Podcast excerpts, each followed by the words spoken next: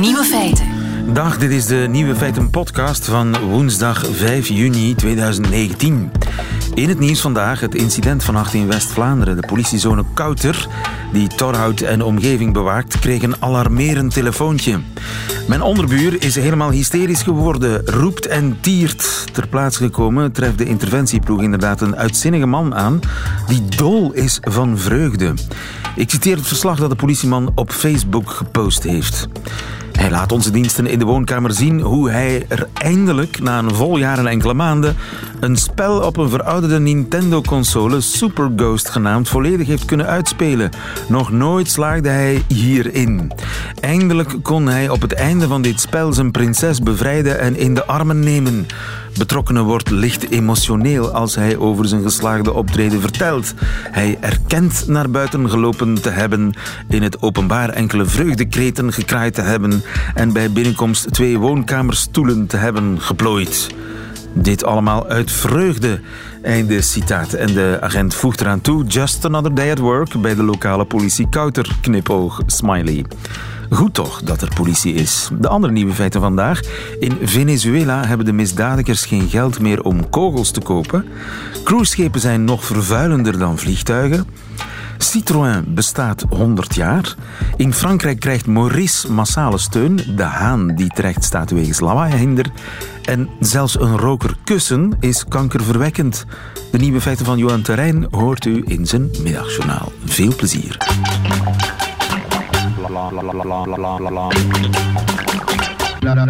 Nieuwe feiten. In Venezuela zijn de moordcijfers drastisch omlaag gegaan. En dat komt omdat de criminelen geen geld meer hebben om kogels te kopen. Edwin Koopman, goedemiddag. Goedemiddag. Correspondent Zuid-Amerika voor Trouw. Ja, dus kennelijk kreunt zelfs de misdaad onder de crisis. Ja, eh, dat komt omdat eh, ja, kogels en wapens die moeten natuurlijk nog, gewoon nog steeds betaald worden in dollars. Eh, en het nationale geld is, eh, is verschrikkelijk eh, gekelderd ten opzichte van de dollar. Dus ja, ook eh, misdadigers moeten dingen aanschaffen. En in hun eigen geld is het bijna niet meer te betalen. Hoeveel kost een kogel? Nou ja, omgerekend een dollar. eh, waardoor dus een van die misdadigers, die dan eh, hè, de, de media heeft eh, toegegeven, dat als hij even zijn magazijn leeg schiet, dat hij dan een maandsalaris kwijt is. Eh, ja, dat is, eh, dan kun je dus eh, andere mensen overvallen en proberen dingen af te pakken. Maar ook dan is het veel geld. Ja. En dan moet je eerst heel goed rekenen en tellen of het wel de moeite waard is om dat, eh, om dat magazijn leeg te, te schieten. Want ja, wat valt er nog Nou, te stelen in Venezuela? Nou, precies. Absoluut. Dat is dus het verhaal. Want eh, de, de mensen die zijn, eh, ja, die hebben nu ook gewoon geen contant geld meer op zak. Wat er al een contant geld is, is natuurlijk al niks meer waard. Maar ja, er is gewoon ook geen contant geld meer. De, de papieren zijn er niet. De, de, de, de banken geven geen geld uit. Dus ja, mensen lopen met pinpasjes rond. Nou ja, daar heb je als, als dief natuurlijk niet zoveel aan. Ja, en verder eh, de dure telefoons en sieraden en alles. Dat hebben mensen niet meer bij zich, want ze hebben het niet meer. Eh, mensen kopen, als ze een mobiele telefoon hebben, met name dan de lagere, hè, de, de lage betaalde, ja, die, eh, die kopen dan een, gewoon een soort goedkoop Chinese kopie. Of, of die hebben een oude Nokia bij zich, maar geen smartphone meer. Ook natuurlijk ja, wijs geworden door het feit dat het ontzettend makkelijk is om, om te worden overvallen in, in Caracas en de rest van Venezuela. En wat wordt er dan wel nog gestolen? Een pak melk. Ja. Nou, precies. eh, de, kijk, de, de behoeften van de misdadigers, van de misdaad, eh, van de criminelen, zijn natuurlijk ook veranderd. Die mensen hebben honger.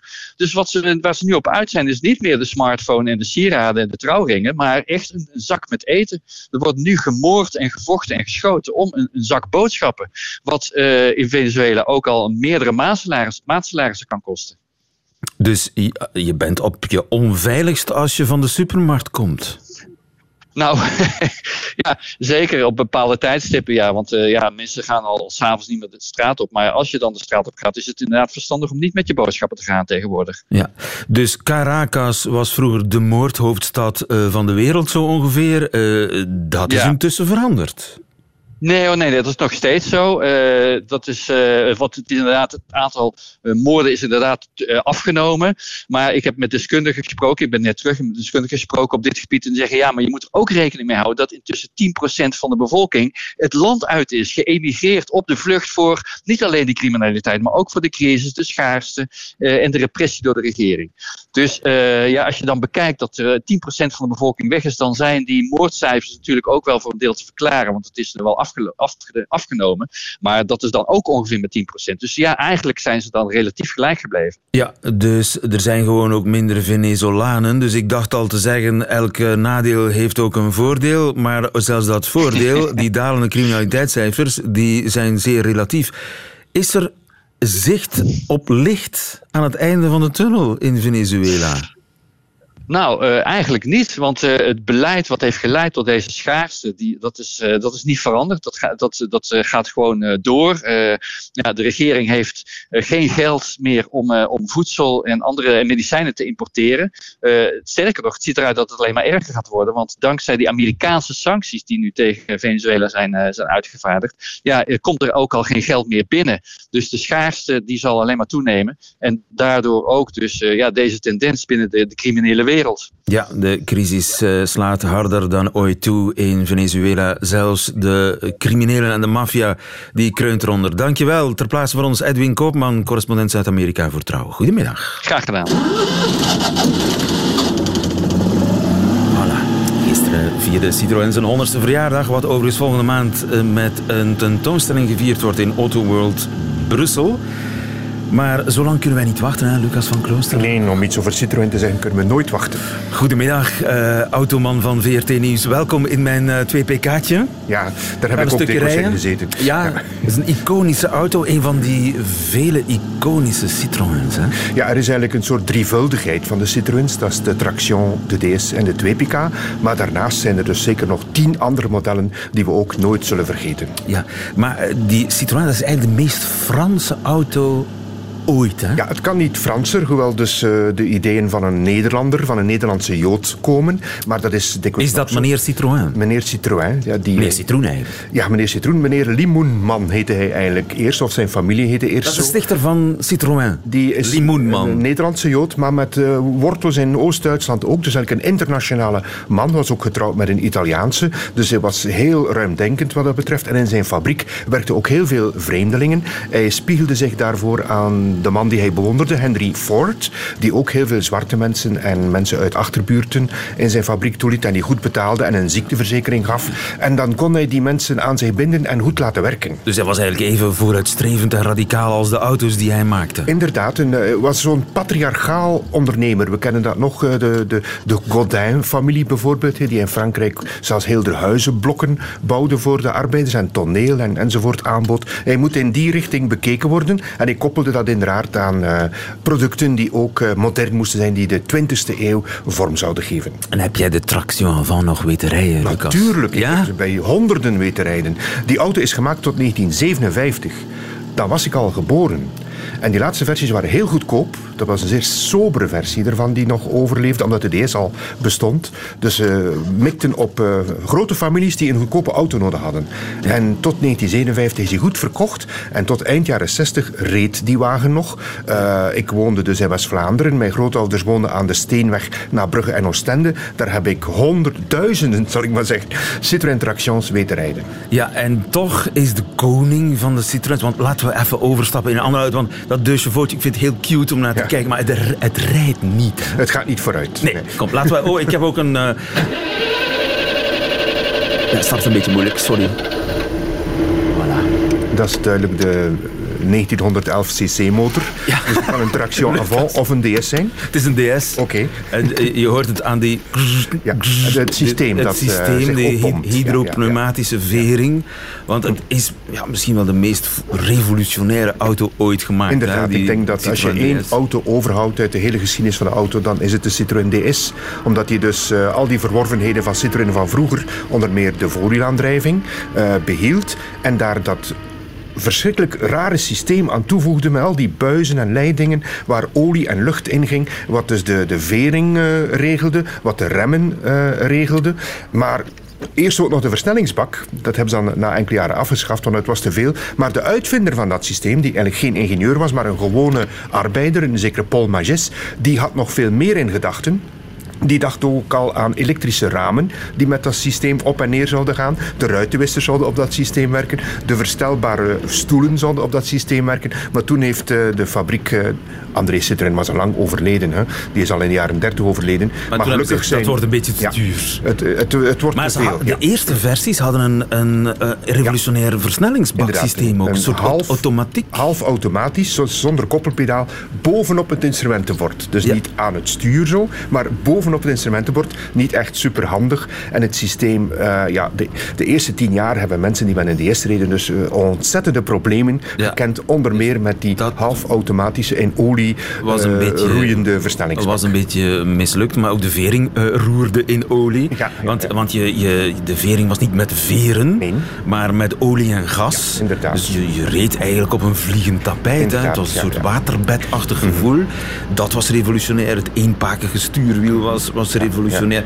Dus de meeste nieuwe auto's hebben één nieuw ding, maar dit, dit was echt gewoon een... Alles was nieuw. Dat was er uh, typisch voor Citroën in die tijd. En dus ook, de DS is ook de laatste die dat heeft. Hè. Later Citroëns hadden, voor de opvolger van de DS is de CX. Die heeft eigenlijk niks toegevoegd. Ik nee. vind dat een fantastische auto, hè, de CX. Ja. Maar die heeft eigenlijk niets toegevoegd nee. aan het geniale ontwerp van 1955. Of ja, van ook al een beeld. Hè? Ik bedoel, er is nog, nog, nog nooit een auto geweest die er zo uniek uitzag Inderdaad. en blijft uitzien. Ja. Uh, de Citroën-fabriek, zowel André Citroën als gelukkig zijn medewerkers zijn in de fabriek mogen blijven. Toen hij er zelf uitvloog, toen hij failliet ging, maar dat is weer een ander verhaal, uh, die, die wilde altijd de concurrentie belachelijk maken. En als je inderdaad googelt bijvoorbeeld naar auto's 1955 en je vergelijkt die dan met de DS uit datzelfde jaar, ja, die anderen zijn hopeloos ouderwets. Het is normaal dat de mensen samen troepten op een autosalon rond een DS of daarvoor rond een 2PK of rond een uh, Traction in de jaren 30 en dat de andere standhouders het konden schudden, bij wijze van spreken. Hè. Dus die, die hadden weinig te omhanden. Dat waren de gloriedagen, die zijn al lang voorbij. Hè. Die zijn gestopt ergens in de jaren 70? Uh, wel, de CX vind ik ook nog altijd een fantastische auto. En de SM, en zelfs de eenvoudige GS. En ik ben zelfs een liefhebber van de BX. En ik vind dat ook de Citroën Berlingo wel zijn charmes geeft. Dat was eigenlijk toch de eerste auto van dat soort, zo de Ludo-Space zoals men dat noemt. Een beetje een leuk klein uh, uh, familiaal autootje. Half bestelwagen, half personenwagen. Dat heeft maar het is ook, geen icoon. Maar het is geen icoon, nee. nee. En ook nu, ja, die, je hebt natuurlijk nog een serie die DS heet. Ik vind dat er wel een paar goede bij zitten. Maar het is ook denk ik niet meer mogelijk zelfs om, um, om nog dat soort revolutionaire auto's, zeker op het gebied van design, Waarom te maken. is dat niet meer mogelijk? Omdat we alles gehad hebben. Wat, wat kan je nog veranderen? Uh, een auto die op één wiel rijdt? Hij, hij kon op drie wielen op drie, rijden. Ja, maar niet op de één. DS. Ja. Maar dat heeft ooit uh, Charles de Gaulle zijn leven gered. Een paar toen, keer zelfs schijnt ja, het. Hè? Ja, ja. Toen en hij als president nog... een aanslag moest uh, overleven en, en, twee banden stuk geschoten waren. Ja, ja, ja. Er is ook zelfs een DS die een rally gewonnen heeft op drie wielen geloof ik. Hè. Dus in de laatste 100 kilometer viel de wiel af en men vond het niet de moeite om nog te vervangen en men reed verder op drie. Het moest wel een achterwiel zijn dat eraf viel. Hè? Ja. Als een voorwiel eraf viel, ja, okay, je niks je kunt niet alles hebben. Prachtig allemaal, maar vergane glorie. De tentoonstelling over Citroën opent volgende maand in Autoworld. Lucas van Klooster, dankjewel voor dit uh, gezelschap tijdens mijn ritje met mijn uh, ja, virtuele DS. Maar ook uh, de traction avant is natuurlijk niet te versmaden. Nieuwe feiten. Nu blijkt zelfs een roker kankerverwekkend te zijn. Tenminste, dat beweren Duitse onderzoekers. Dokter van Steenkisten, goedemiddag. Goedemiddag. Johan van Steenkisten, pneumoloog, oncoloog aan het UZ in Leuven. Duitse onderzoekers komen tot die conclusie nadat ze de effecten van cold smoke hebben bestudeerd. Cold smoke, daar had ik nog nooit van gehoord. U wel? Um, het is voor mij ook vrij nieuw. Maar um, hetgeen waarover het eigenlijk gaat is.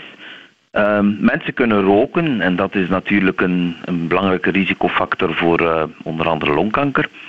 Mensen kunnen passief roken, dat is een begrip dat al beter gekend is. Dat is een, uh, een persoon die zijn hele leven bijvoorbeeld woont bij een roker en zelf niet rookt, die toch verhoogde vatbaarheid heeft voor kanker.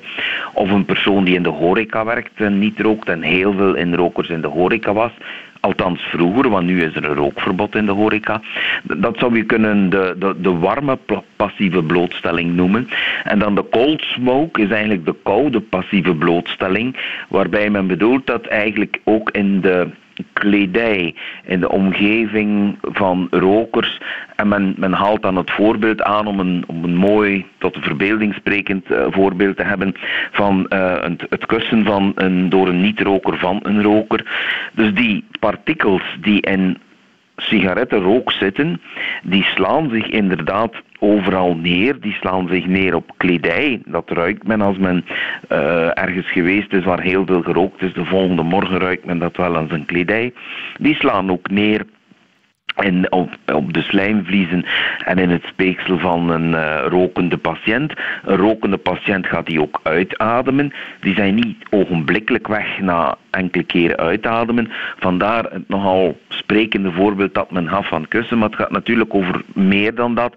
Het gaat over het feit dat de partikels van sigarettenrook, waar heel veel kankerverwekkende partikels in zitten, zich ook neerslaan en via die weg opnieuw kunnen door anderen ingeademd worden. En is dat uh, via contact met de, de, de, het speeksel? Ik bedoel, met de tong? Of is het gewoon dat je die partikels inademt door heel dicht bij die rokende mens te zijn?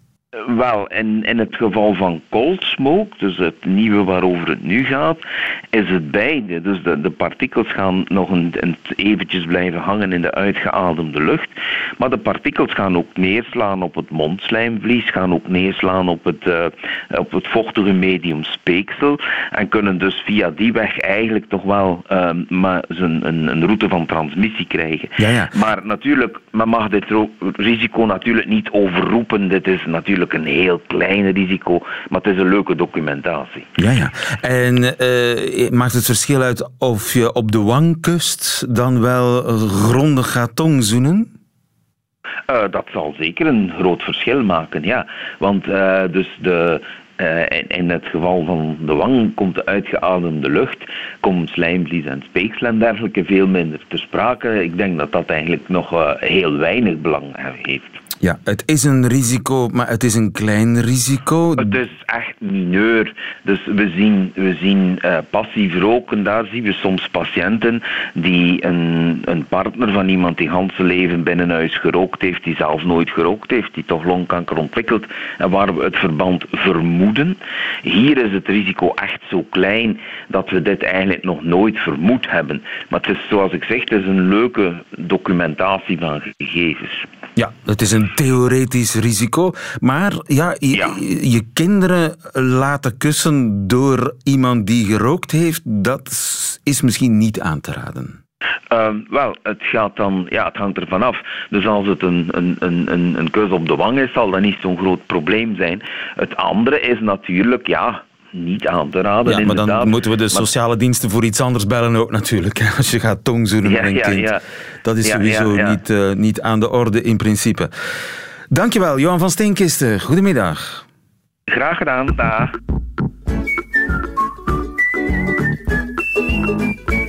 Nieuwe feiten. Vier op de tien Belgen wil milieubewust reizen. Dat blijkt uit de vakantiebarometer. Maar mocht u van plan zijn het vliegtuig in te ruilen voor de boot, dan moet ik u wel waarschuwen. Cruiseschepen zijn hypervervuilend, staat in een nieuw rapport van de Europese Milieukoepel Transport en, Transport and Environment, zo heet dat eigenlijk. Laurien Spruit, goedemiddag. Goedemiddag. Laurien, jij bent van de Bond Beter Leefmilieu. Klopt. En ik mag denken dat het vliegtuig de schadelijkste vorm van vervoer was.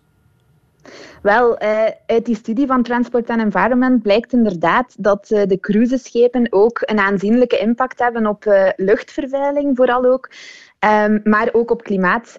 Maar wat de studie onderzocht, dat was eigenlijk de impact op luchtvervuiling in populaire steden zoals in Spanje, Italië en Griekenland, waar jaarlijks heel veel cruise-toeristen naartoe gaan. Ja, en dan gaat het om pure luchtvervuiling en dat is niet meteen uh, vergelijkbaar of niet meteen identiek met uh, schadelijke stoffen in verband met de opwarming van de aarde. Nee, het gaat eigenlijk om verschillende componenten. Hè. Als we naar klimaatverandering kijken, uh, dan is het vooral CO2 die daar uh, aan bijdraagt. in het en wat CO2 betreft valt het nog redelijk mee met de cruiseschepen? Goh, nee, daar zijn cruiseschepen vergelijkbaar met, met luchtvaart, zeg maar. Dus ah, het is niet dat ze daar zoveel beter scoren. Maar um, wat er nu nog bij komt qua extra kennis, is dat ze ook nog eens op de gezondheid van mensen die uh, in kuststeden wonen een enorm effect hebben. Want naast die CO2 stoten zij ook nog uit zwaveloxide. Klopt. En dat heeft te maken met uh, dat die schepen op heel vuile brandstoffen varen. Hè. Eigenlijk moet je je dat voorstellen. Um, de, de brandstof die wij in onze wagens gebruiken, daar halen wij eerst de zwavel uit, wij raffineren die. En eigenlijk de vuile drek die achterblijft na dat proces, dat gebruiken wij in die schepen. Dus dan is het ook niet verwonderlijk um, ja, dat dat natuurlijk heel toxische emissies teweeg brengt. Ja. En dat dat niet goed is voor de gezondheid. Ja, je ruikt het zelfs als je op het dek van zo'n schip staat. Hè? Dan, dan, het stinkt gewoon. Ja, absoluut. En het is helemaal niet gezond. En uh, zijn er dan helemaal geen regels? Mogen schepen dan met die vuile drek varen? Ja, er is, er is heel weinig regulatie rond. Hè. Toch zeker als je het vergelijkt met de regulatie voor wegtransport um, bijvoorbeeld. En ja, dat heeft te maken met dat die schepen natuurlijk het grootste deel van de tijd op zee zijn. Um, maar daar zou inderdaad veel meer regulatie moeten uh, voorkomen. In de eerste plaats bijvoorbeeld al overschakelen naar properdere brandstoffen. Dat is technisch mogelijk, maar de overheid moet daar wel incentives voor geven. Bijvoorbeeld al die brandstoffen gaan ontzwavelen. Um, een andere mogelijkheid is als die schepen in de haven liggen, zorgen dat ze op walstroom, dus elektriciteit van aan land kunnen overschakelen, zodanig dat ze ook die uh, vervuilende fossiele brandstoffen daar al niet moeten gebruiken. Ja, want die staan daar stationair te draaien om hun eigen elektriciteit te produceren. Ja, ja, ja klopt. En inderdaad. ja, zwaveloxide, is dat ook fijn stof? Uh, dat kan ook de, de aanmaak van fijn stof um, in de hand werken. Uh, maar die schepen stoten natuurlijk naast zwaveloxiden en stikstofoxiden ook nog eens fijn stof uit. Maar het is vooral de zwaveloxiden die een probleem zijn typisch aan die scheepvaart. Ja, ja, en dat is slecht voor de gezondheid. Regulering lijkt mij niet zo simpel, want ja, dat is een internationale business met uh, allerlei Panamese vlaggen waaronder schepen varen en zo. Dat lijkt me niet simpel om daar uh, eenvormige uh, wetgeving voor gestemd te krijgen. Nee, dat is inderdaad niet simpel, maar in het geval van die um, emissies in de havens zijn er effectief al zaken die overheden lokaal kunnen doen. Hè. Bijvoorbeeld walstroom voorzien in de haven. Ja, daar hoef je geen internationale processen voor af te wachten. Dat kan je gewoon zelf doen. Um, en ja, het is ook niet omdat het moeilijk is dat we natuurlijk niet moeten doen. Hè. Zowel de klimaatuitdagingen als de luchtkwaliteitsuitdagingen zijn zeer groot. En ik denk dat het in het belang is van elk land, van alle inwoners, dat daar dringend iets aan gebeurt. Dankjewel, Laurien Spruit van de Bond Beter Leefmilieu. Ik ga dus niet op cruise deze zomer, dat is duidelijk. Dankjewel, goedemiddag. Dankjewel, dag. Nieuwe feiten. Radio 1.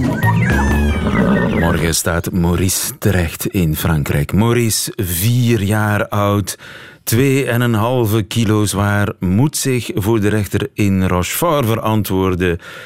Ja, voor lawaaihinder. Stefan de Vries, goedemiddag. Goedemiddag, lieven. Onze man in Frankrijk, de zaak Maurice, beroert het hele land. Wat heeft Maurice misdaan? Maurice eh, die is een iets, iets te al te enthousiaste kraaiende haan. Uh, hij uh, kraait de hele dag door naar verluid. zowel s'nachts als s ochtends. En dan gaat het maar door en maar door. Maurice ja, is eigenlijk dus een vandaal in het dorpje Saint-Pierre-d'Oléron. En ja, daar heeft men nu genoeg van. Ja, en hij moet zich voor de rechter verantwoorden. Het is te zeggen natuurlijk, zijn eigenares moet dat doen. Wat, wat zijn de, de, wie zijn de klagers?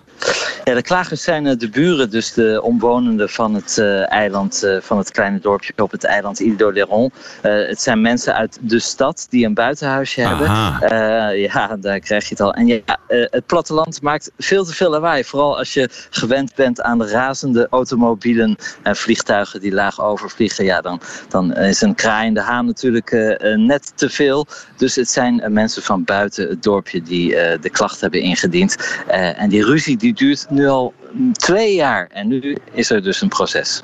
En Maurice heeft al heel wat steunbetuigingen gekregen. Ja, absoluut. De burgemeester die staat vierkant achter de beklagende. Hij zegt, vandaag is een haan. Wat zal het morgen zijn? De zeeuwmeeuwen, het geluid van de wind de zee. Uh, dus ja, die, heeft, uh, die kiest de kant van de kraaiende haan.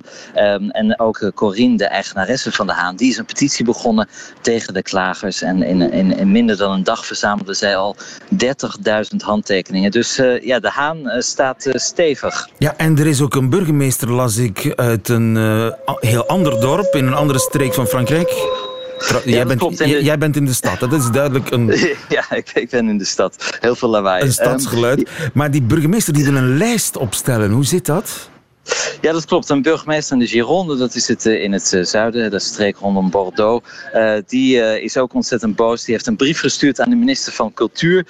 Die zegt, dit mag nooit meer gebeuren. Het is vernederend voor de plattelander om aangeklaagd te worden door iemand van buiten de gemeenschap.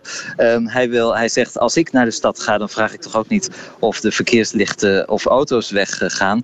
Dus hij wil nu dat landelijke geluiden, zoals klokken, honden, hanen, ezels, koeien, noem het maar op, erkend worden als uh, nationaal erfgoed. Nou is dat natuurlijk uh, een, een, beetje ironisch, maar ja, de, de strijd tussen stad en platteland, die is wel degelijk serieus. Ja. En, en dit gekraai is daar een voorbeeld van. Erkend worden als uh, nationaal erfgoed, dit dus, daar gaat het om. Ja, precies. Dit inclusief. Kabaal. dit kabaal moet nationaal erfgoed worden, inderdaad. En is dat een eerste stap dan naar de erkenning door de UNESCO als werelderfgoed?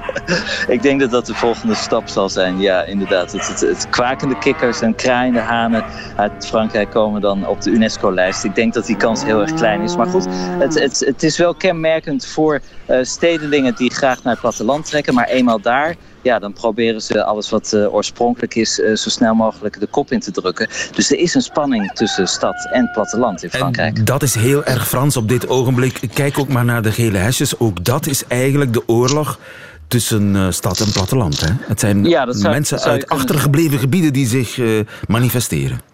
Ja, zeker. Dat zou je kunnen zeggen. Inderdaad, de gele hesjes komen eigenlijk uh, niet uit de grote steden. Um, er zijn er wel wat in Toulouse en Bordeaux. Maar de demonstranten die we week na week in Parijs de straat op zien gaan... Ja, is eigenlijk niemand bij uit uh, Parijs. En de gele hesjes oorspronkelijk, ja, die protesteerden tegen de hoge brandstofprijzen. Want zij uh, zijn afhankelijk van de auto omdat ze 10, 20, 30 kilometer moeten afleggen tussen waar ze wonen en waar ze werken. En ja, als de benzineprijs dan stijgt, dan uh, worden zij natuurlijk aangetast in hun koopkracht. En dat is iets waar stadsmensen natuurlijk niet mee te maken hebben. Dus inderdaad, ook de gele hesjes zijn een voorbeeld van de groeiende uh, het groeiende gat tussen de stedelijke gebieden en het uh, platteland van Frankrijk. Ja, het platteland is niet helemaal stil, zo blijkt maar weer. Dankjewel in Frankrijk voor ons, Stefan de Vries. Goedemiddag. Goedemiddag. Nieuwe feiten. Middagjournaal. Beste luisteraar. De keren dat je iets voor het eerst meemaakt in je leven worden schaarser naarmate je ouder wordt. Maar onlangs mocht ik het nog eens ervaren. Voor het eerst in mijn leven kwam er rook uit de motorkap van mijn wagen. Rook uit de motorkap is iets wat je in mijn luxe leventje normaal alleen in films ziet en nooit wordt bezongen in geen enkel chanson. Ik zette mijn auto snel aan de kant van de weg. De rookpluim bleef opstijgen. De geur van verbrand rubber hing in mijn wagen. Buiten regende het pijpenstelen. Dat zou de boel wel afkoelen, dacht ik, tevergeefs, want starten zou mijn wagen niet meer doen. Ik probeerde me in te beelden wat zo'n filmpersonage deed als hem dat overkwam: rook uit de motorkap. Maar dat lukte niet echt goed. Waarschijnlijk knippen ze weg naar een andere scène op zo'n moment, of is er te veel rook en kan je niet meer zien welke oplossing dat personage verzint. Ik heb wellicht te weinig MacGyver gekeken in mijn jeugd, dus er zat niks anders op dan de takeldienst te bellen. We waren een uur onderweg, de takelwagen met daarop mijn auto tussen Zwijndrecht en Deurne. Daar ligt namelijk een Kennedy-tunnel tussen. Een uur dat onze gelegenheid gaf om kennis te maken. Twee levens die elkaar kruisen op de ring rond Antwerpen. De takelman bleek een gepensioneerd truckchauffeur. Hij sprak met heimwee over vroeger tijden, toen er nog douanecontroles waren. Toen was alles beter. Uren aanschuiven aan de grens. Het was een moment om zijn collega-chauffeurs te treffen, te checken naar welke plek zij onderweg waren en om eventueel af te spreken voor het avondmaal geen tachograaf hield hen tegen om langer dan negen uur te rijden en verplicht rust te nemen. Er zijn te veel regels intussen, zuchtte hij. Ik begreep hem. De file aan de 50-jarige Kennedy-tunnel kon hij ook simpelweg oplossen. Ergens naast Sint-Niklaas een aansluiting naar de Liefkeshoektunnel maken en vrachtwagens verplichten die te nemen. Ik geloof trouwens dat die tunnel daar ooit voor gegraven werd. En ook op- en afritten vlak na de tunnel wegnemen. Allemaal goedkopere maatregelen dan de Oosterweelverbinding met overkapping. Hij had een brief geschreven naar het kabinet van Weits, maar geen antwoord gekregen. Die was op dat moment waarschijnlijk net van gedacht aan het veranderen over de kilometerheffing. Na een uur kreeg ik een vervangwagen, nam ik afscheid en reed ik naar huis. Ik stond in de omgekeerde file en ik bedacht mij: het leven kan zo simpel zijn. Je valt stil, je ontmoet, je schuift aan, je praat. Of vroeger alles beter was, betwijfel ik. Toen reed je op 10 minuten van Zwijndrecht naar Deumen. Nu heb je tenminste de tijd om iemand te leren kennen.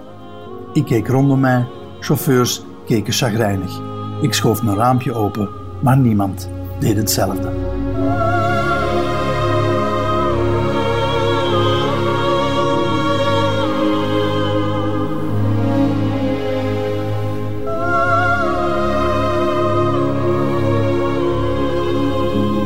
Het middagjournaal met Johan Terrein. Einde van deze podcast. Maar u vindt er nog veel meer op radio1.be en op de podcastkanalen. En hoort u liever de volledige uitzending van Nieuwe Feiten met de muziek erbij? Dat kan ook via de app van Radio 1. Tot de volgende.